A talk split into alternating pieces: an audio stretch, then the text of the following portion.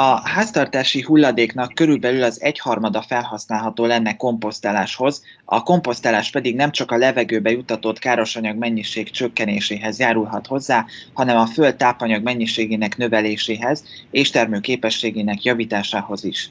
Az otthoni komposztálás lehetőségeiről, valamint az ezzel kapcsolatos szempontokról kérdezem Bisztrán Jánost, a Polidukt ZRT értékesítési igazgatóját. Jó napot kívánok! Jó napot kívánok, üdvözlöm a kedves hallgatókat! Azt mondja meg nekünk, hogy ha most valaki úgy dönt otthon, hogy ő is szeretne komposztálásba fogni, akkor milyen jellegű tárolót érdemes egyáltalán beszerezni ehhez? Lehet-e például akár egy házilag készített ilyen fából összeállított tárolót is használni? Igen, számos megoldás is kínálat van jelenleg a piacon. Hogyha valaki érez magába affinitást, illetve barkácsolni szeret, az igen, az el tudja készíteni magának a megfelelő komposztálót, akár fakeretten keresztül, vagy egy dróthálós kivitelben. Itt alapvetően arra kell figyelni, hogy mekkora a terület, ahol szeretne az ember szerves hulladékot begyűjteni ez alapján kell eldönteni, de hát itt lehet, ahogy mondtam, fából, dróthálóból, illetve műanyagból készült komposztáló. A műanyag az értelemszerűen azt, azt gondolom, hogy ezt mint kereskedelmi termék kell megvásárolni, mert azt azért házilag nehézkes, de egy dróthálós, illetve fakeretből készített komposztálót bárki el tud készíteni otthon.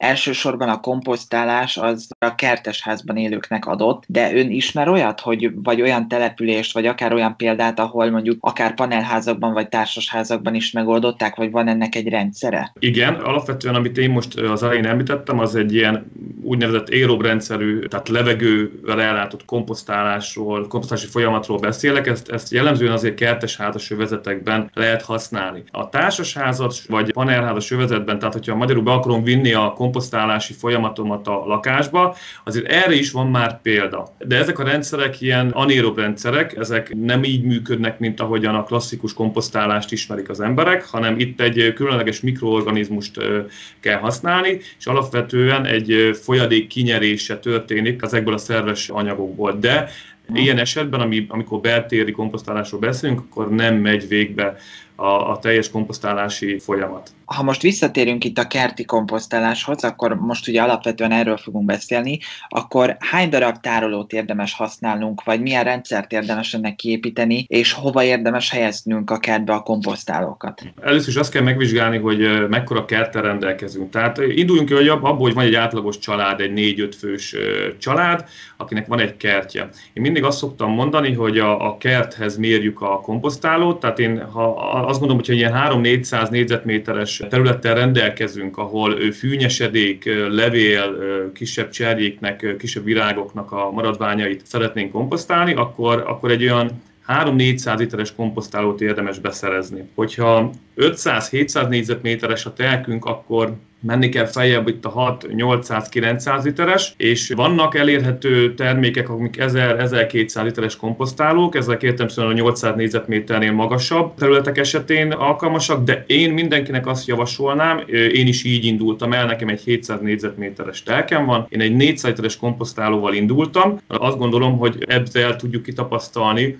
hogy mire van szükségünk, és ezt bármikor tudjuk bővíteni. Szeretném felhívni a figyelmet arra, hogy nagyon sok ember abból indul ki, hogy rengeteg a fűnyesedék, és azzal szeretne valamit kezdeni. A fűnyesedékre nagyon vigyázni kell, mert az nagyon a nitrogénben gazdag, vízben nagyon gazdag, ezért a fű miatt nagy komposztálók nem kell, és nem, nem, nem muszáj, és nem is kell vásárolni, hiszen itt a fű hát egy-két napon belül kétharmadára esik össze, rengeteg víz távozik belőle.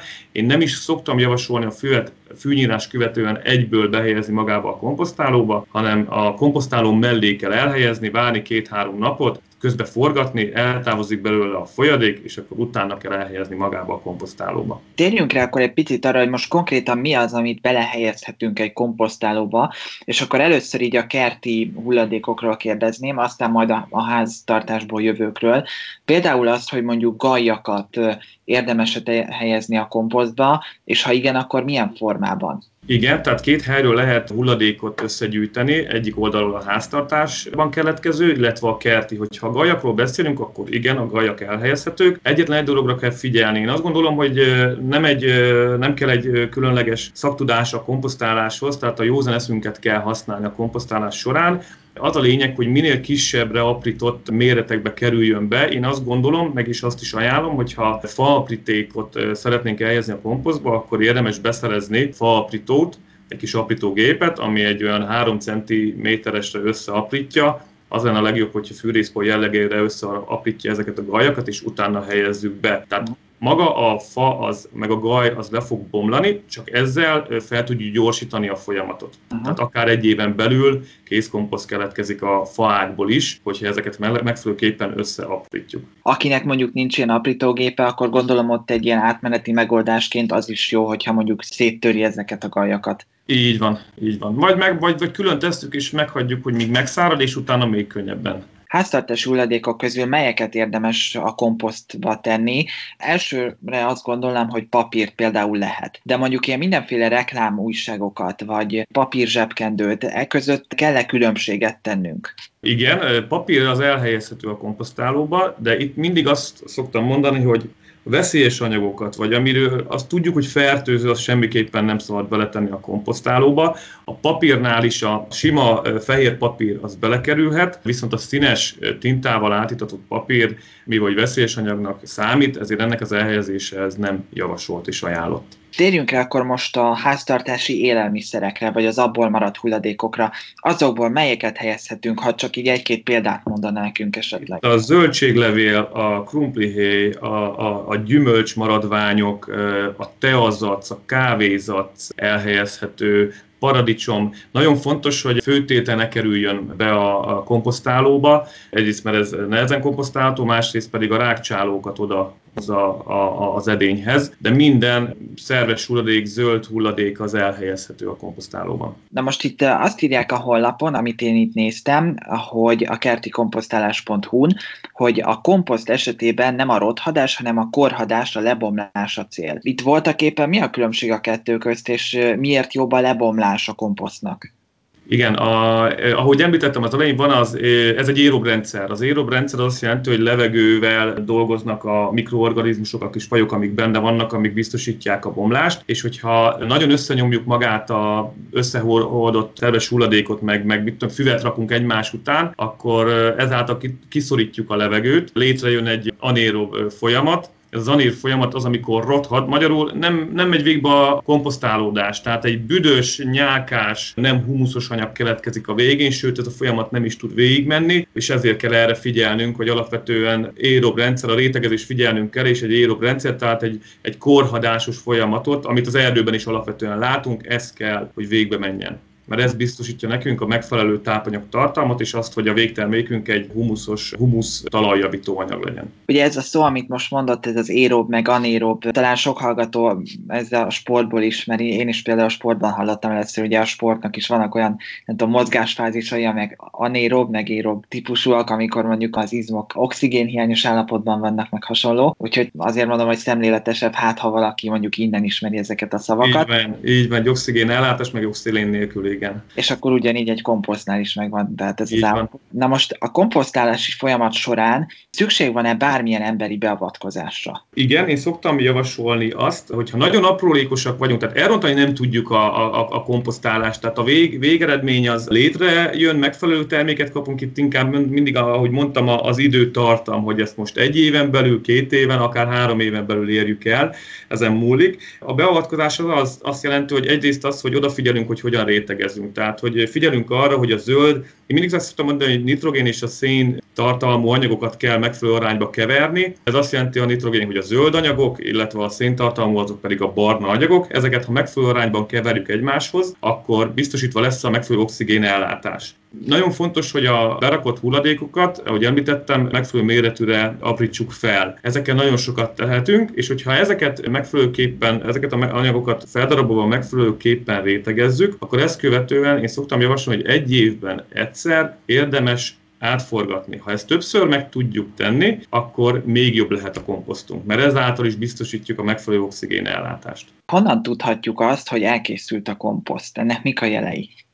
Nek az a jele, hogy kinyitjuk általában a komposztálók alján van egy kis ajtó. Ha egy zártabb rendszert vásárol az ember, vagy készít, akkor érdemes így az alján egy kis ajtót, olyan, olyan terméket választani, aminek az alján van egy kis ajtó, mert azt, hogyha felhúzzuk, akkor már látjuk, hogy egy ilyen barnás, kevésbé nedves földet kapunk igazából uh-huh. és ebből már tudjuk, hogy megfelelő a termék. Annyit, ha normális, hogyha megfelelőképpen komposztálunk és betartjuk a szabályokat, akkor egy ilyen 6-8 hónap múlva egy ilyen úgynevezett múcskomposztot kapunk. Ez még nem egy teljesen lebomlott anyag, de már ezt is a kertünkben adott esetben el tudjuk helyezni. Hogyha szerencsések vagyunk, akkor 12 hónap múlva akár rostálással egy virágföld minőséget is kaphatunk ugye mondta, hogy hónapokig, vagy akár évekig is elállhat egy komposzt, és például akkor nem okoz-e fennakadást mondjuk az, hogy van egy tárolóm, amiben évekig áll a komposzt, és akkor mondjuk az alja már úgymond elkészült, a tetejére viszont folyamatosan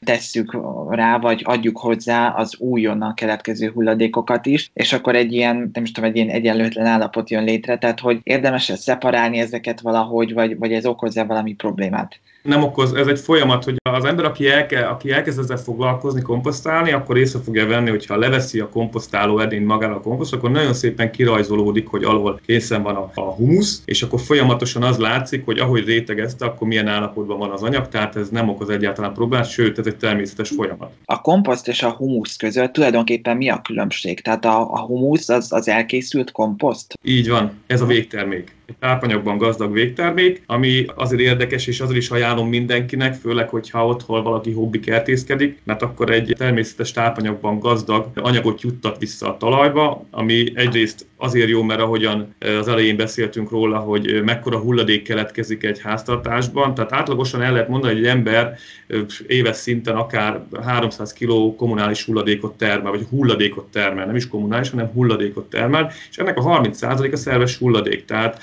ennek ilyen környezetbeli dolga is van, tehát hogy nagyon komoly mennyiséget tudunk ezáltal eltéríteni a hulladéklerakóról, másik oldala pedig visszajuttatjuk a természetnek. Az anyagot, és nem egy mesterséges műtrágya jellegű anyagot teszünk vissza, hanem egy tápanyagon gazdag humusz kerül vissza. Annyit még szeretnék azért elmondani itt a komposztáló választás után, hogyha az ember kiválasztotta a komposztot, akkor ki kell választani a helyet is hozzá, hogy hova helyezi el a terméket. Aha. Mindenképpen fontos, hogy nem egy téglából kirakott, vagy betonozott, vagy térkövezett felületre eh, kell tenni a terméket, hanem föld vagy homokos talajra. Én javasolnám azt, hogy lazítsuk fel a talajt, mert a szivárgó víz, ami a szerves hulladékból kijön, az tudjon távozni, ez fontos, és ami még fontos, hogy egy ilyen ányékos, félányékos helyre helyezzük el mindenképpen. Továbbá a, a hely méretét nézve, én azt szoktam javasolni, hogy a komposztáló alapterületének a két-három szorosát jelöljük ki, hiszen amikor szétbotjuk majd a komposztálót, és ki kell szedni belőle a komposztot, a humuszt, akkor arra nekünk helyre van szükségünk. Még annyit mondja csak így zárásképpen, hogy mi a tapasztalata, hogy hányan használják, tehát hogy van egy olyan tendencia, hogy több embert érdekel az utóbbi időben a komposztálás, vagy, vagy valamilyen reménykeltő dolog mondjuk a környezetvédelem szempontjából? Igen, 2003-ban kezdtünk el mi komposztáló edényekkel foglalkozni. Akkoriban nem nagyon foglalkoztak az emberek. A, a vidéken, a kertesházban a nagyszülők szülők régen azért, vagy az állatoknak odaadták a, a, ezt az öltulladékot, aki meg nem tette meg, az azért összegyűjtötte, és kivitték a szántóföldre az ott keletkező idézővet trágyát. Én azt gondolom, hogy egy hosszabb idő telt el, mire most mi érzékeljük azt, hogy mekkora igény van itt a, a piacon magára ezekre a termékekre. Én el tudom mondani, hogy mi az elmúlt 5-6 évben több mint 200 ezer darab ilyen komposztálót értékesítettünk, tehát azt gondolom, hogy egyre nagyobb az érdeklődés az embereknek a, a, a komposztálás után, vagy irányába. És hát remélem, hogy ezzel a beszélgetéssel akkor egy kis mankót vagy segítséget tudtunk adni most a hallgatóknak is. Nagyon köszönöm, hogy itt volt velünk. Bisztrán János, a Poliduct ZRT értékesítési igazgatója volt itt velem, akivel a komposztáláshoz adtunk jó tanácsokat. Köszönöm szépen!